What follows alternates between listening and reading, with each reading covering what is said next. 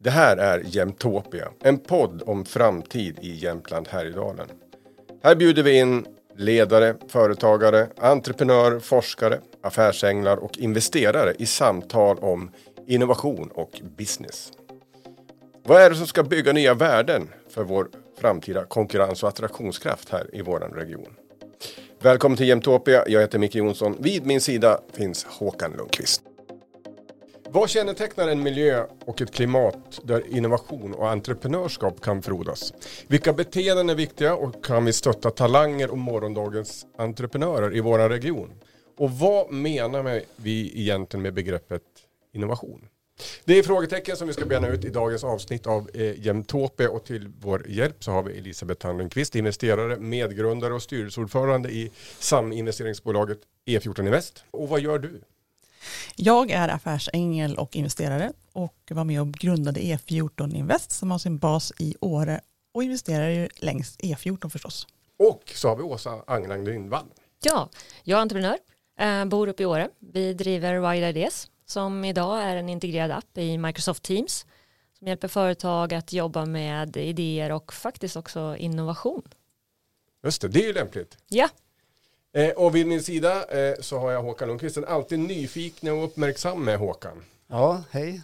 Eh, kul att man får vara med, brukar jag säga. Eh, min roll här är väl lite grann att eh, kasta mig in i samtalet när det är någonting som kanske behöver förtydligas eller förklaras eller om det är några sådana här grejer som liksom rör sig i ert härad som ni befinner er i, som kanske andra inte riktigt gör. Hänger ni med? Ja. Jajamän. Okej. Och Micke Jonsson heter jag och jag är då eran guide i det här Jämtopia och i det här avsnittet som vi ska inleda med och där jag vill höra vad är eran definition av innovation? Ja, om jag tar den först då. Eh, för mig så är det ganska många delar. Dels så handlar det ju lite grann om det du var inne på i presentationen. Att kunna uppbära en innovativ miljö som i sin tur kan leda till innovation. Som också då egentligen betyder, tycker jag, nytänkande, lösa saker på nya sätt. Eh, sen kan det ju handla om också såklart att få fram helt nya produkter och tjänster. Eh, så det är lite olika delar tycker jag i innovation. Därför är det också ganska krångligt. Så jag tycker det är oftast viktigare att sätta sammanhanget. Varför nämner vi ordet innovation? Än att bara förlita oss på innovation som något som bara automatiskt ska ske eller ska man ska jobba med. För Blir det lite olika då om vi säger att innovation och innovationer? Ja men alltså idag tittar man ju mycket på istället att skapa miljöer som är kreativa, agila, där också liksom många människor möts. Det kan ju i sin tur leda till liksom lite nya innovationer om vi ska använda det ordet då. Sen pratar man ju mycket om den innovativa kulturen, alltså att skapa det i, i ett företag som gör att man hela tiden förändrar sig. Och förändrar man sig tillräckligt mycket så någonstans på vägen så blir det ju kanske nya affärsmodeller, det kan bli nya produkter, det kan bli nya tjänster. Måste ju inte alltid kanske vara helt nytt liksom. Så att det är väl än viktigare kanske att liksom man själv sätter i det perspektiv man vill diskutera. För annars så kan det gärna bli att man pratar om päron och äpplen och så sitter halva auditoriet och ändå när man går därifrån så vet ingen vad man egentligen har pratat om. Och Elisabeth då, eh, ur ett investerarperspektiv, om du ska få din definition? Men Jag kan, först ska jag ta ett steg tillbaka. Vad för mig är innovation i sitt enklaste form, det är att göra saker på ett nytt sätt. Och det kan vara antingen att man gör en tjänst annorlunda eller man tar betalt på ett annorlunda sätt eller att jag har min bakgrund här eh, i Östersund så spelar jag mycket musik. Det kan vara att eh, spela ja, rock i en cellokvartett. Men det blir någon form av innovation. Det var ju känt sedan tidigare men sättet att tillämpa det på var nytt. Så på så sätt tycker jag att innovation kan vara både väldigt små saker och väldigt stora saker. Men eh, som investerare då tittar jag på innovation väldigt krasst och det är ju att då har någon kommit på en tjänst eller en produkt och det är ett steg. Och sen måste de också komma på hur de ska få betalt för den här produkten eller tjänsten. Och det är där det oftast går fel. Ehm, många tänker att det här vill väl alla ha. Och så har man inte riktigt tänkt på vem som vill betala för det. Är det ofta det dyker upp? Att ni, ni, det kommer, kommer eh, upp eh, människor till er och ni får bromsa dem? Har ni ens tänkt? Lite grann som den här, eh, per, han som kommer med pergamentrullen i, i Lorry, nu hör ni hur gammal jag är, med en gammal serie som gick på, på SVT. I Sundbyberg. i Sundbyberg, ja precis, ja, du, du förstår vad jag menar. Samma energi. Ja. Är det ofta det händer? Ja, det är väldigt ofta det händer. Och det är därför som uppfinnare oftast känner sig så missförstådda. Och ibland så tolkar vi i Sverige det som att vi är dåliga på sälj. Ja, men vi har jättemånga produkter, men vi var dåliga att sälja. Men det fattas oftast ett, liksom ett steg där mellan produkten och försäljningen. Det är själva paketeringen. Är det en prenumeration som man köper eller är det, ska du köpa den vid ett tillfälle? Ska det vara liksom Gillette-tricket? Du köper en okej okay, dyr eh, rak, eh, rakhyvel och sen är de där himla bladen jätte, jättedyra. Eh, eller ska det vara Netflix-varianten där du går, glider in på ett abonnemang på 59 kronor i månaden som inte verkar så dyrt och helt plötsligt så drar de 110 spänn i månaden. Alltihopa det här är ju olika sätt att ta betalt. Och det tycker jag är jätteintressant. Och därför så är det många innovationer som aldrig kommer dit. Så då kan man säga att definitionen av innovation är även då sättet att ta betalt? Mm, det ska jag säga.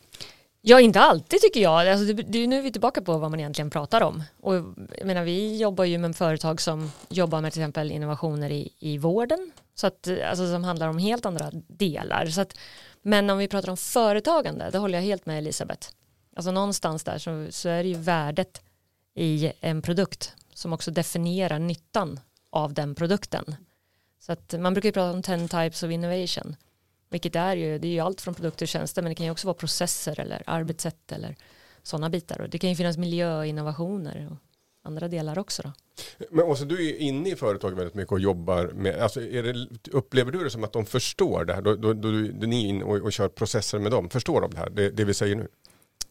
Ja men det upplever jag. Uh, det är väldigt varierande ska jag säga. Och så använder man väldigt mycket olika liksom, ord för det här. Man har ju olika processer och olika kulturer i olika företag. Uh, jag skulle vilja säga att nu har jag hållit på och varit ute i företag sedan 2011. Och de sista tre åren då har man ju på många ställen gått ifrån just innovation. Man pratar mycket mer om den innovativa organisationen. Man pratar väldigt mycket mer om hur, hur snabbt och agilt man kan få in liksom information från sina medarbetare. Hur mycket mer duktig man kan bli på att faktiskt säga go på en lösning eller det eller inte go. Men blir det, alltså, är det en förflyttning som har skett som du ja. har sett? Från så var det tidigare och, och nu går det mer ja, åt det här hållet? Alltså några år sedan, om vi tittar fem, sex år tillbaka, då var ju innovation, om det fanns en tävling, ungefär som årets julklapp, så tror jag det hade varit årets ord. Liksom. Det fanns ju inte någon årsredovisning eller någon hemsida på något företag som inte hade ordet innovation på första sidan. Det skulle bara med. Det skulle bara med liksom. Men nu tror jag man inser att det räcker ju inte att sätta det på varken ett blad i årsredovisningen eller på hemsidan utan du måste ju också liksom arbeta med det. Ungefär som hållbarhet, förr var ju hållbarhet någonting som man gjorde där. Mm. Men nu är hållbarhet en del av allting i ett företag, annars funkar det ju inte. Förhoppningsvis. Ja, förhoppningsvis. Men, men så är det ju lite med innovation också. De som är riktigt duktiga, det finns ju ner i DNA. Och det är därför som det är så många stora företag behöver använda, samarbeta med eller köper upp startups, småföretag som har funnits kanske i fem, tio år. Därför att de kan inte starta det projektet som skulle komma fram till de här sakerna. Dels för att det innovation i större företag, när man gör saker på ett nytt sätt, då kommer det hota existerande kassaflöden. Och då kan man ju vara väldigt förutseende och förstå, om man sitter på toppen av ett stort företag och säger, ja men det där de gör där borta, det, här, det var väl eh, stort fotoföretag, Kodak, som ett bra exempel, som insåg att de hade en avdelning som höll med digital eh, fotografering. Men det var ingen som egentligen ville dra fulla slutsatsen av vad det de höll på med. Och det kom de på lite sent. Eh, och det finns mängder av sådana exempel där, där de interna maktstrukturerna i större företag eller organisationer sabbar innovation. Därför det hotar någons uh, intäkter eller kostnadsbas eller budget eller vad det nu må vara för någonting. Så ibland så, så krockar ju då innovationsviljan med budgetviljan. Ja. Uh, och det är så säger man, ja, vi ska jobba horisontellt och tvärs inom allting och vi ska ha nyskapande.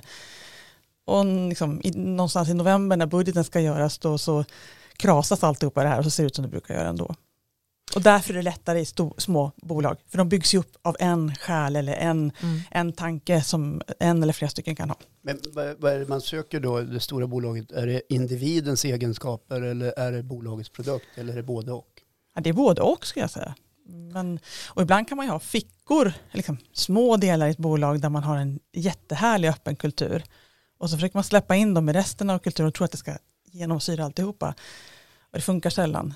Men har man det från toppen, då man har någon som hela tiden frågar efter. Och det, mm. du måste se de skillnaderna också i de bolag som ni är inne och jobbar med, att när man verkligen vill det mm. och det händer någonting. Alltså man ser det direkt när man är ute hos kund. Ja. Man kan nästan känna, jag kan ringa ja. hem och säga att det här kommer inte bli någon kund, för det finns inte det här inkluderande ledarskapet. Nej. Man är egentligen inte intresserad, mm. Utan man, har, det kan, man kan ha det fina på hemsidan, men man är egentligen inte intresserad av att hela tiden förflytta sig framåt, ifrågasätta processer, ifrågasätta hur man gör eller liksom orka driva förändring. Mm. För det är det det handlar om. Och jag håller med det här om att liksom många stora bolag jobbar jättemycket med startups och, och liksom matchar ihop där. Eh, och en annan grej som också har växt fram ganska starkt det är ju det här att satsa på intraprenörer. Mm.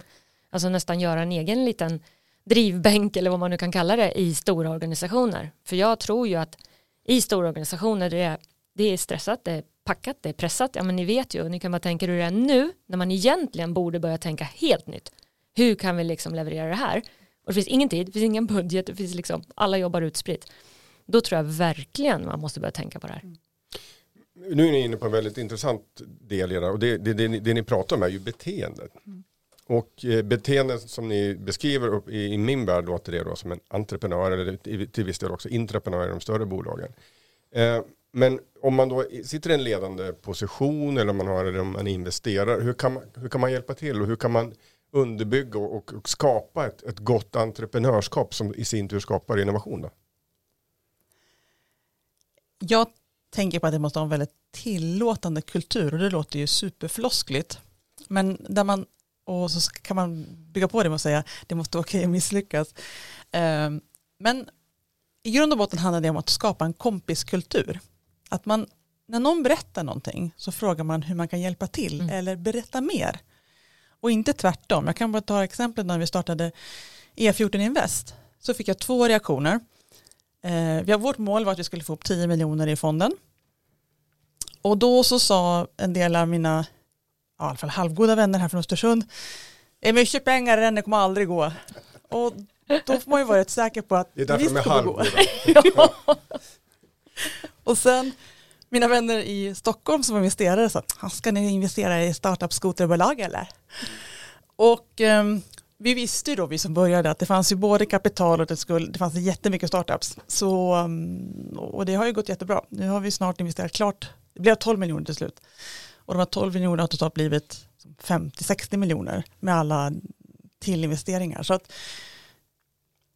då måste man ju vara man ska inte vara ensam när man startar. Man måste ha några fler som är lika övertygade som man kan liksom gå tillbaka till när man får varje sån här liksom, punch, liksom, eller vad heter det, man blir nedslagen um, och säger att jo men det kommer visst gå. Så det är det ena, att ha ett team som kan göra det. Är man själv kommer man aldrig lyckas. Och sen gäller det att den här kulturen runt omkring då säger ja, men det kommer gå bra. Och så var ju då skillnaden mellan Östersund och Åre. I Åre sa alla, ja men gud vad kul, kör, det här kommer gå jättebra. Och Östersund sa att det kommer aldrig gå. Nej. Men i Åre finns det en annan typ av entreprenörsanda kanske än i Östersund? Just då var det så i alla fall. Men jag tror att det är en, eh, jag tycker att det sker en successiv förflyttning även i Östersund eh, av det. Tror du eh, att det är en lärdom från åren att det smittar av sig? Kan det vara så? Ja, det är otroligt smittsamt. Det ser man ju på andra miljöer som varit framgångsrika. Det är smittsamt att, att vilja hjälpa till. Mm. Att vara nyfiken och vilja hjälpa till och fråga vad, hur kan, vem, vem behöver du kontakt med som jag kan hjälpa dig med? Mm. För, Koff, Åre Coffee Club som, som du var med och startade också, Åse, ja. är ju, som sedermera kan man väl säga har blivit House B. Ja, det.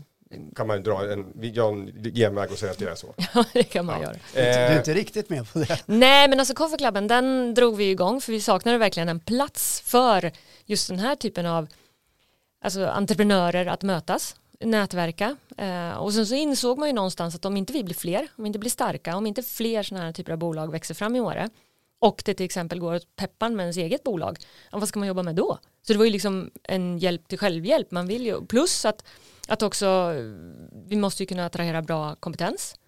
Och sen, jag brinner ju liksom även för destinationens utveckling och sitter i destinationsbolagets styrelse och ser ju också de svårigheterna med duktiga entreprenörer inom företag som mer är kopplat till destinationen.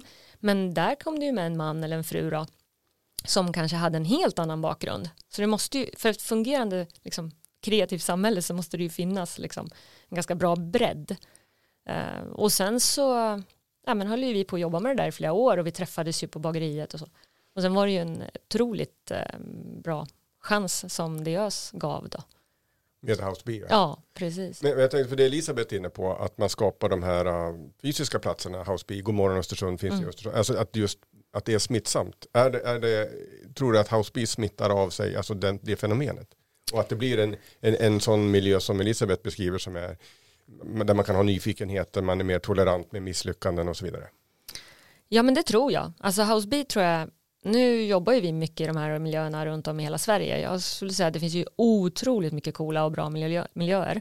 Eh, men lite annorlunda är ju ändå Åre med sitt liksom höga entreprenörskap med många väldigt speciellt drivna personer plus att platsen i sig gör ju jättemycket. Alltså man kommer ju, många har ju kommit dit också för att liksom man vill vara på platsen, alltså med berget och, och fjällen och så. Så att det har ju skapat en, en liksom väldigt stark gemenskap. Och det gör någonting att människorna som finns där också bor i närheten mm. eller har det som ett sorts ankare i livet vid några, ett, ett antal veckor per år i alla fall. Därför att eh, jag är på många sådana här inkubatorer eller liksom coworking spaces, men de är ju ganska, de kan vara coola, har fantastiskt coola möbler och kaffekoppar, men det finns liksom ingen själ i dem.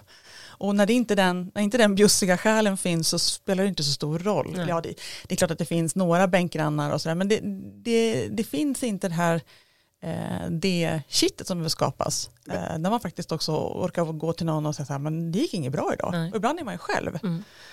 Um, jag står och tänker på några saker. Dels om Åre eh, är en sån ort där det innoveras mycket. Mm. Eller det växer fram nya små smarta företag och man hjälper varandra hit och dit.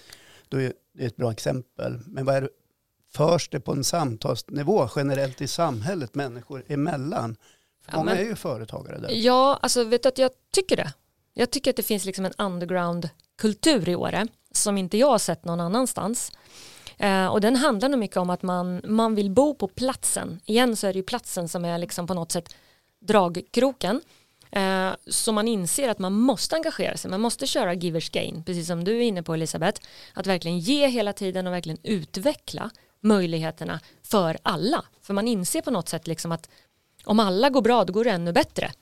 Och det är ju det, är det, liksom, det tror jag är en stor skillnad. Sen kommer ett inflöde av människor eh, som man måste sträcka sig lite på också. Och där är det helt okej att få skryta lite och få berätta för någon annan som varit bra. Och, ja, men det finns ju personer som kommer dit som har rätt bra kapital. Um, och det gör också någonting med, med eh, hela dialogen om den sån är i, jag menar, i skidliften eller den pågår i, ja, den, ja, på och afterski after, kanske, kanske ja. eller liksom eftermiddagen eller vad det nu är för någonstans. Så, uh, och det, för, för, det förklarar vi ofta när vi pratar om E14 på andra ställen, att de som flyttat till Åre och lever och bor där och gillar berget, det är inte så att man gör det istället för att jobba. Man jobbar väldigt hårt så att man ska kunna vara på berget när man kan. Mm. Eh, och som investerare så har vi haft sett ganska mycket av det vi kallar för bordtennisentreprenörer. De gillar liksom livsstilen av att spela lite bordtennis och vara entreprenör men det blir inte så mycket.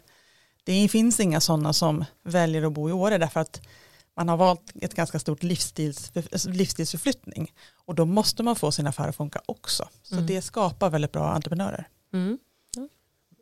Nu är du inne också på miljöer och vi mm. pratar Åre kanske specifikt. Men eh, jag drar ju också parallellen till eh, en, en, annan känd miljö och det är Silicon Valley. Mm. Eh, är, det, är, det, är det ett liknande beteende? Kan man göra jämförelser överhuvudtaget med Silicon Valley? Går det? Det finns de som säger att man är ren, ren, det går inte att jämföra med Silicon Valley. Eh, man kan ju säga att de hade ju egentligen inte heller någon direkt eh, eh basindustri där, förutom väldigt mycket datorkunniga som jobbade inom militären. Det var det som fanns. Det fanns liksom inte någon, direkt gruva eller det fanns inte något stål och sådär som det finns, på många andra orter. Så därför så var väl det väldigt tillåtande och så hade de ju ett väldigt bra universitet. Eh, men jag tycker att den här eh, intresset för ehm, jag tror att det är just den här, den här bussiga kulturen som faktiskt finns där även för de som varit väldigt framgångsrika. Som jag blir förvånad över varje gång jag är där. Eh, att den, även många säger nu att den, den sanna kulturen har försvunnit. Det var annorlunda på 70-talet. Men så har det alltid varit i alla tider på alla platser. Så att, Det var alltid bättre förr. Ja, så dels det. Men, men, men också, eh, och det är lite längre till skidåkningen, däremot cyklar folk som galningar där. Eh, så det, fick, eh, det lärde jag mig tidigt där, då ska man träffa eh, andra liksom, affärsänglar och riskkapitalister, då ska man vara ute på cykel på lördag morgon. Cykla långt. surfing då? Nej, det är, det är Los Angeles. Ja. Dit flyttade surfarna, så de har sin lilla community där nere. Men- då, det, ni, det ni beskrev tidigare här som, som eh, tillåtande, höga ambitioner, samarbetsvilja. Det är någon slags urmod, riskkapitalet. Det Det, mycket kommer ju från Silicon Valley. Men är, är det, är det, kan vi ins, naturligtvis kan vi inspireras. Men är det något vi också direkt kan applicera? Är det någonting man kan, vi tar det här och flyttar till Jämtland och, och applicerar det? Går det? Ja, nej, ja. Det är ju jättesvårt. Alltså, jag tycker ju Silicon Valley är ju en komplicerad fråga. När man väl gräver lite så är det ju inte alla som är jättehappy där heller. Alltså, och allt går ju inte jättebra där heller och alla får ju inte finansiering bara för att man är där. Men man hör ju om många success stories. Och det där kan ju också vara ett, en stress och ett problem som entreprenör att liksom man hör ju sällan om precis det Elisabeth var inne på från början att man måste alltid ha en hög ac- acceptans för misslyckanden. Man måste så att eh, jag vet inte, jag tror, jag tror det är svårt att bara koppa rakt av. Då tycker jag till exempel miljön i Boulder, Boulder Colorado, har mer gemensamt med våran region och hur den har växt upp under alla år till att bli ett jäkligt coolt ställe för liksom entreprenörer och stora företag som köper upp mindre företag och etablerar sig där. Och den har ju lite mer liksom samma. Men det som, på, det som finns i alla orter, jag tror kanske, jag har inte varit i Boulder, jag har varit i Austin, mycket i Silicon Valley, det, det finns liksom några platser. Det är några restauranger och det är några ställen man hänger på på fritiden om man är, om det är nu skidåkning eller liksom man håller på med musik i Austin. Där alla är. Så det är väldigt lätt att träffas och den här lättheten att träffas är viktig. Så där tycker jag faktiskt att den här Ja, Jag träffar ganska många av våra bolag eller saminvesterare, annat i, i eh, liksom man kör 8 i 8 också. Så den är Mm. lika viktig liksom som Houseby. Mm, platsen, vi är tillbaka på Mm. den. Liksom. Mm. Och, och då har ju vi eh, fördelar då kan jag tolka det som att platsen en, eh, i Region Mm. Jämtland här i dalen så, så är ju platsen eh, attra, attraktiv bara den. Mm. Mm. Jag står och tänker på det här äh, att snacka samma språk. Eh, är det det egentligen det handlar om, om man kokar ner det? Att man möts i samma anda eller samma lika beteenden. Om man pratar om de här mellanmänskliga bitarna. För det är där ni, ni pratar rätt mycket om det. Hur man är som individ och i, i sitt tankesätt och, och beteende. Ja, för till skillnad från om man ska investera på börsen till exempel. Då gör man analyser av vilka, hur bolagen har gått de senaste tio åren och så kan man ge en rekommendation. När man ska investera i, ehm, i Åse, Mm. där, hur, hur gör man det? Hon kan sitta och lova saker och ting. Och hur ska jag veta liksom att om två år så har hon uppfyllt exakt det? Det kan jag ju bara veta om, jag, om man tillbringar lite tid tillsammans. Eh, gärna under förutsättningar som är kanske in, inte bara i ett kontorsrum.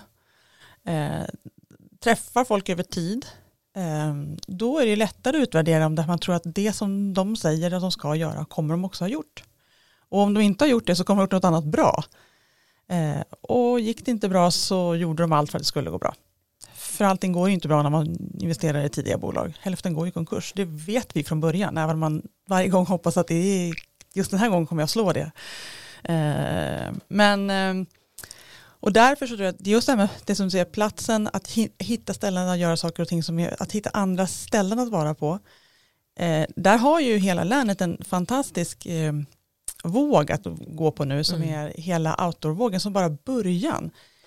Och det har inte bara liksom med covidkrisen att göra att alla har, har strömmat till fjällen och att många har även hittat det i Härjedalsfjällen och jag har aldrig hört så många liksom startupbolag och investerare som nu är i Ramenberget på sommaren och så där. Så att hela området attraherar ju personer som gillar att inte bara sitta inne med sina siffror utan också vara ute i naturen och dessutom har en flexibel, liksom, som jobbar mycket men har möjlighet att ha en flexibel livsstil. Eh, vilket jag tror liksom är det nya svarta. Det är ganska långt ifrån innovation nu, men att, att få ha lyxen att ha en flexibel livsstil, även om man jobbar mycket, det är otroligt mycket men, men, måste det vara långt ifrån innovation? Kan inte det vara en del av att man innoverar sig själv eller, oh. eller sitt företag? Mm. Eller, jo, så kan det också. Man väljer det här ja. för att mår jag bra så kommer firman gå bra också. Ja. Medarbetarna mår bra om jag mår bra. Ja. Om jag ska leda det här. Absolut, och menar, i och med att vi kan jobba på distans på det sättet man kan göra, man ja, vissa tider måste man jobba jättenära och behöver vara liksom tillsammans. Under vissa tider så kan man liksom hantera ganska mycket saker på remote. I alla fall ett par veckor på hösten när man hellre vill fjällvandra eller liksom i... Men där har jag en spaning faktiskt nu sen covid-krisen och alla som jobbar hemma. Jag tror att alltså den här idag så kommer ju arbetstagarna, alltså vi kommer ju ha helt andra krav på att få vara flexibla, sitta kanske hemma mera eller just som du säger vara uppe i Åre tre veckor och ändå leverera. Det kommer skapa ett enormt, eh, en enorm utmaning för företagarna, alltså för arbetsgivaren, att ändå lyckas, lyckas att eh, bygga den här innovativa kulturen, att de känner sig liksom sedda, kunna liksom dela med sig, vara ajour med liksom, vad jobbar vi med nu, vilka utmaningar har vi, hur ser våra utvecklingsprojekt ut, vad ska vi göra liksom. Så att jag tror ju att den här Eh, nya tidens arbetssätt då, eller vad, den nya normala eller vad brukar man säga, det kommer ju också ställa otroligt stora krav på de ledare som finns i organisationerna. Och det tror jag slår nästan på alla vertikaler och branscher och så. Om du skulle få ge ett tips där då till sådana ledare, vad skulle, vad skulle det tipset vara? Ja, men dels tror jag ju att på något sätt, nu har det ju varit exceptionellt liksom, eh, men om vi tar det nya normala där människor ändå tycker att de kan jobba lite någon vecka här eller hemma två dagar i veckan eller så, så tror jag det handlar om att dra nytta liksom av den, den kultur man har, verkligen jobba på den, att eh, liksom den blir synlig och tydlig, men sen handlar det ju jättemycket om att vi var inne på det, det inkluderande ledarskapet, att orka liksom hela tiden se till att medarbetarna har en möjlighet att vara med och driva idéer, bara en sån sak, det ligger ju mig nära om hjärtat såklart, men alltså att använda. för sånt. Ja, precis. Men använda då, ta Microsoft Teams som vi jobbar med, att där liksom kunna göra idea workspaces som vi jobbar med, där du knyter ihop medarbetarna från jättestora organisationer som då får en, en tydlig riktning, de ser vad det är för utmaningar, man kan definiera olika ämnen eller områden som man kan samlas på, oavsett om man sitter tillsammans eller inte, dela idéer, dela kunskap, hela det där flödet måste man ju jobba med liksom. För annars blir ju människor lätt liksom mer och mer apart från sin verksamhet. Och det här handlar om att motivera människor som du är inne på. Och har jag fel då, Elisabeth, om jag vänder mig till dig, då jag säger att ni, eller du, investerar aldrig i en idé utan i en människa och den människans förmåga eller entreprenöriella förmåga. Rätt eller fel? Både och det finns en idé, det finns de som säger att det bara är ett team och att ett bra team kan göra vad som helst eh, med en ny idé. Jag tycker inte det för att jag, det beror på, det finns en kunskap bakom eh, människor och eh, så att det teamet eh, och eh, deras idé är vad jag investerar i. Eh, men jag har aldrig varit med om ett fall där ett team helt och hållet har lämnat sin idé och gått på en helt ny idé och gjort någonting jättebra. Men det kan också hända. Men, Men det är utan att veta någonting om Alltså det är ju förmågan hos människor att leverera det de har sagt att de ska göra. Det är ju det som man måste investera i. Um, för många går ju omkring som vi sa med, med, med, olika idéer och du Åsa pratar nu också om att man lyfter och drivs av idéer. Men, men eh, att slutföra dem och att faktiskt gå i mål med dem och att ha kanske, jag vet i, i vår region har vi jämfört väldigt mycket med elitidrottande eftersom vi har, vi har en sån kultur här med, med mm. framförallt kopplat till vintersport och något fotbollslag sådär. Eh, men att, att också ha den vinnarkulturen och gå i mål med, med sina, med, är, det, är det specifikt också för Jämtland? Ja, jag, jag, tycker att det finns absolut i den här vinnarkulturen som, som, eh, som är här, att det är okej okay att elitsatsa. Eh, och det måste man ju det måste man ju såklart veta. En person som ska under en tid utveckla sitt bolag väldigt snabbt. Och det är därför jag ibland brukar skilja på det som är startupbolag och andra bolag. Och då kan man säga att alla bolag är nystartade någon gång. Men det är de som har en vilja att vi kommer att kunna växa snabbt. Kan också vara ett bolag som har funnits i många år. Framförallt inom forskning finns det sånt. Man kanske funnits och puttat på i tre, fyra, fem år och inte riktigt hittat sin marknad och de har en bra produkt och inte riktigt fattat hur riktigt vem som ska köpa det. Och när de hittar det, då kan de accelerera. Och det är de typerna av bolag som vet att det här är en elitsatsning. De kommer komma ut här om fem, tio år och vara jätteslut. Förhoppningsvis lyckliga. Det är som ett maraton fast ja. man vet aldrig när det tar slut. Nej. när någon säger så här, du det ett varv till. ja men det är ju så. Bara, Mer ryggsäck. Ja. Kom igen. Ja. Kan man, som man är inne i processer i bolag kan man då snacka om elitsatsning fast då är det kopplat till till eh, marknad eller kopplat till innovationer eller innovationsarbete. Går det? Nej, det skulle nog jag akta mig för om jag var, alltså, om jag var ledare på ett större bolag. Det skulle jag nog akta mig för. Jag skulle snarare lyfta fram förmågan att jobba liksom i team. Vi var ju inne på det. Alltså, man kan ju se forskningsmässigt också att de, de lösningar och produkter och tjänster som kommer fram som många människor har varit med och, och liksom bidragit till de har ju en högre grad av genomförande och lycka, eller alltså bli lyckade. Uh, och där man kan väldigt tydligt se också att de idéer som liksom blir dåliga eller misslyckas eller så, det är nästan det är alltid så att det är bara en kanske eller få personer mm. som varit med och jobbat med dem. Så det är det här som handlar om att liksom skapa miljöer där många människor hela tiden kan iterera kring det. Man kan precis liksom slänga lite käft, man kan träffas, man, det måste finnas forum digitalt där man liksom samlar det här och jobbar med det. Men jag skulle inte säga att man, eh, det är i alla fall aldrig råkat på någon som vi har jobbat med som har liksom definierat det som en elitsatsning. Fast jag tänker på att de som är runt omkring eh, eh, entreprenörer som är mitt i liksom sin, sina jobbiga faser kan ibland ha svårt att förstå hur prioriteringarna går till. Därför det är ju inte alltid 9-5 jobb. Och de flesta drivs ju av någon passion av att lyckas som gör att de blir lite skruvade åt ett håll som mer liknar elitsatsningar mm. kanske än en vanlig, jag går till jobbet och gör min grej. För man vill ju lyckas. Mm. Ja men så är det ju. Det är, så man prata lite mer om som min roll som entreprenör mm. mer än det vi gör liksom i, det vi hjälper. Ja, det var liksom, det jag tänkte mest på, ja, men precis. Då, det kan jag ju absolut skriva under på. Mm. Och ibland är man ju så färdig så man får ju faktiskt ta fram de där verktygen mm. som man har lärt sig av en coach. Liksom. Okay. Bara bryt ihop, gå upp igen, fundera liksom bara framåt, var är målet? Var liksom, så det, det händer väl i alla fall en gång i veckan. Lätt. Nej, men alltså, det är ju jättejobbigt uh, ja. faktiskt. Uh, och, uh, ja. och ibland är det som var på lång tur, man bara, ett steg, ja. En fot framåt, nästa fot framåt, då kommer man framåt, även ibland energin är slut. Mm. Och ibland blir det en boll till. Om man då är entreprenör och så har man det här inkluderande ledarskapet men eh, teamet är inte riktigt med på banan. Alla individer som behöver vara med är inte riktigt där. Eh, går det då att träna sig i det? Går det att tillföra någonting? Det kanske inte räcker med att tillföra kapital. Behövs lite know-how och det kanske behövs lite skolning till och med. Eh, då är man ju inne i en ganska omständig process mm. som, som, företagare eller bolag. Mm.